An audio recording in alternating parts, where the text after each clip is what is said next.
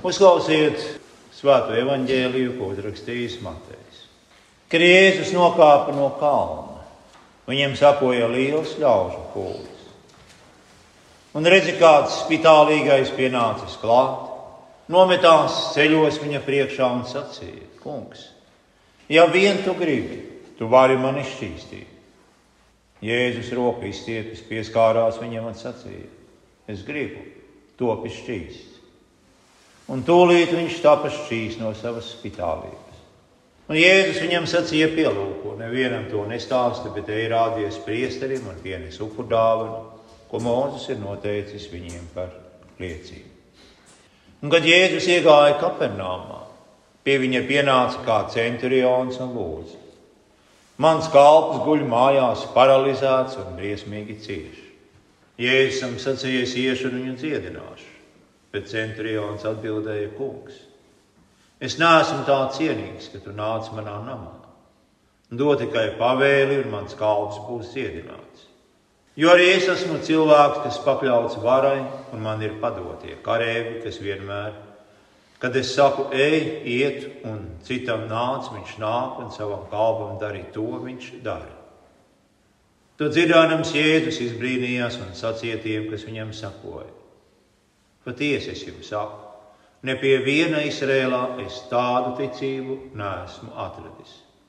Un es jums saku, daudzi nāks no austrumiem un rietumiem un sēdēs kopā ar Ābrahāmu, Īzāku un Jākabu debesu valstībā. Te valstības dēli tiks izgrūsti ārā tumsībā.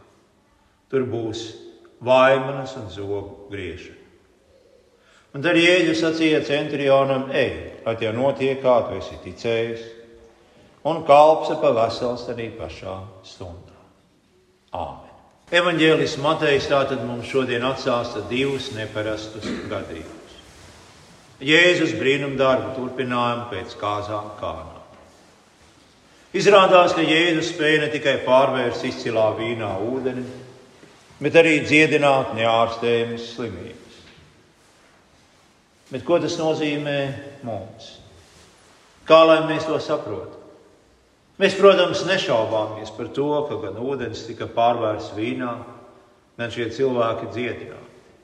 Tie visi ir reāli labi attestēti vēsturiski notikumi, nevis tikai kādas reliģiskas metafāras. Bet kādēļ tie ir pierakstīti evaņģēlijos? Un ko lai to iesākam šodien, tagad, savā dzīvē? Sāksim ar to, ka Jēzus darīja daudzus un dažādus brīnumus. Viņš dziedināja daudzus cilvēkus, bet kādēļ mums tiek īpaši atsāstīti tieši šie notikumi? Acīm redzot, evanģēlis svētā gara mudināts ir izvēlējies tieši šos brīnumdarbus, lai tie kalpotu baznīcai visos laikos kā īpašs vēstījums. Un šajā vēstījumā īpašais ir tas, ka tie atklāja Jēzus godību, viņa dievišķo varu un spēku. Mums ir darīts skaidrs tas, ka runa nav par kādu savādu brīnumdari, kādu dziednieku, bet gan par pašu Dievu kurš savā pieņemtajā cilvēka dabā žēlsirdīgi un laipni palīdz cietējiem. Vai tas nozīmē, ka mums nevajadzētu meklēt ārsta palīdzību, bet gaidīt uz dziedināšanas brīdi? Protams, nē. Lai saprastu, kas mums tiek vēstīts, mums ir jāmeklē šī vēstījuma konteksts. Un tas ir šāds. Kādā sabatā Jēzus apsēdies uz kalna mācīja ļaudis pārsteidzot tos ar savas mācības vareno raksturu. Viņš nerunāja kā raksturmācītāji, atcaucoties uz cilvēku autoritātēm, bet kā tāds, kam pašam ir dievišķs spēks un vara. Un šī neparastās prediķa ietekme bija tik liela, ka daudz ļaužu sāka pulcēties ap Jēzu un sakot viņam. Abi Jēzus brīnumdarbi, par kuriem mums tiek vēstīts, notika tā paša sabata pēcpusdienā kad Jēzus nokāpa no kalna. Viņam sekoja daudz ļaužu, un pie viņa piesēdzās kāds spitālīgs vīrs, kurš pa gabalu bija klausījies Jēzus sludināšanā un nonācis pie pārliecības, ka šis varenais sludinātājs varētu palīdzēt arī viņam viņa nelaimē. Un tādēļ piesteidzies pie Jēzus, viņš nometās viņa priekšā un lūdza: Kungs, kungs, ja vien tu gribi, tu vari mani šķīstīt. Un tā kā spitālība bija nedziedināma slimība, tad acīm redzot, viņš uzskatīja Jēzu par daudz ko vairāk nekā vienkārši raksturmācītā. Šķīstīt no šīs slimības varēja tikai Dievs.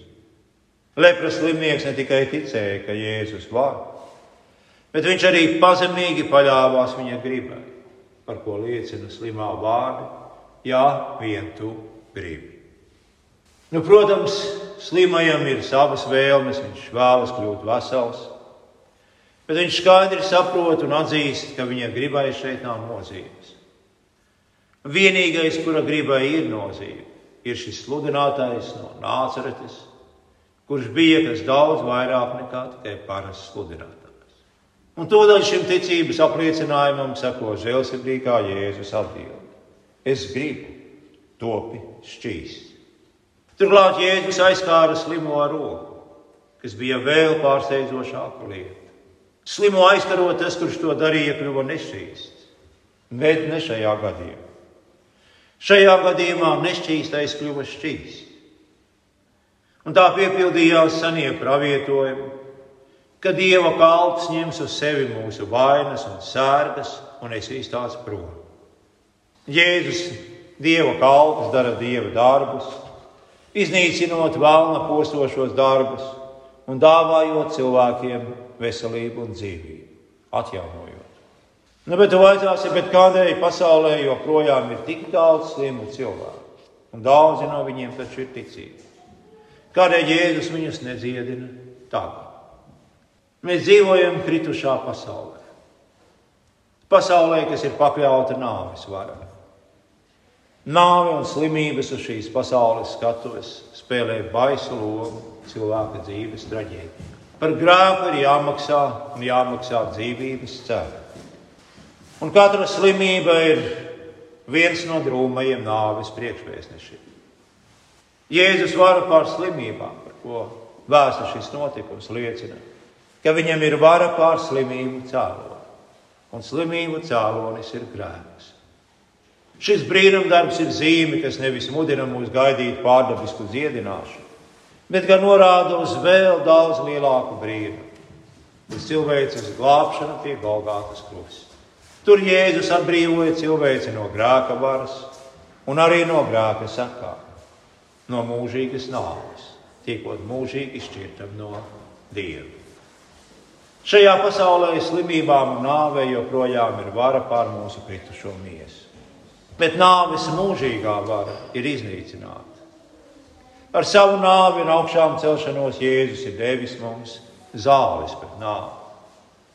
Un, lai gan slimības un nāve joprojām liecina par Dieva dusmām pret grēku, Bet ticībā es visu tā redzu jaunu pasauli, kur nāvei vairs nav nekādas varas.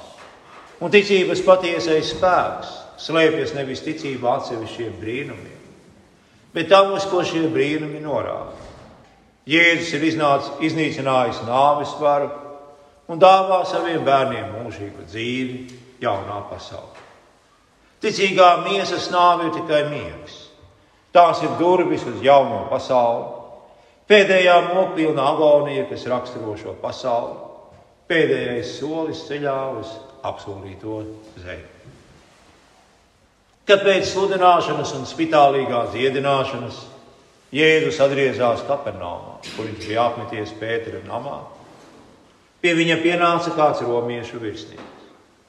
Palūdzis Jēzus palīdzību sava ciešanu pārņemtā kalpa sakarībā Virsnieks tūdaļ parāda apbrīnojumu ticību.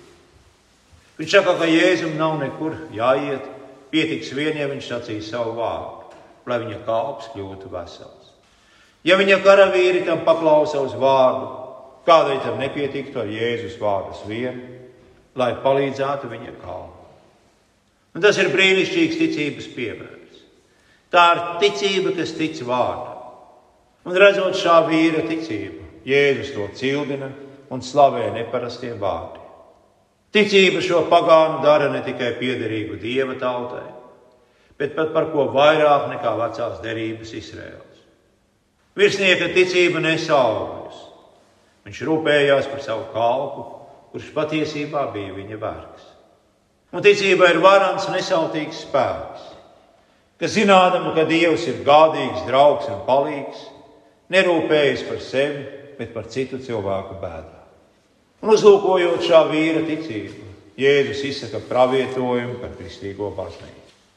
Daudzi nāks no rīta un vakara puses un sēdēs ar Ābrahāmu, Īzāku un Jākubu Dieva valstību. Tie ir visi pagāni, mūs ieskaitot, kas ir nākuši pie ticības. Tātad evanģēlista Mateja ziņojums par diviem Jēzus brīnumdarbiem atklāja Jēzus dievišķo godību, viņa varenību un žēlsirdību pret cietēju. Un tas arī mācīja mūs, kā Jēzus žēlastība ir saņemama, proti ticība. Tādējādi nosodīti tiek visi maldi, kas mazina Jēzus personas varenību un žēlsirdību. Nosodīta tiek arī neticība, kas nemeklē palīdzību pie Jēzus, bet paļaujas uz cilvēka gudrību un spēku. Mēs tiekam mudināti nožēlot maldīgas domas, neticību un visu, kas traucē ticību. Paļaujoties uz Dieva vārdu, atjaunosimies garā, un prieka un paļāvības pilni turpināsim savu ticības gājumu. Āmen!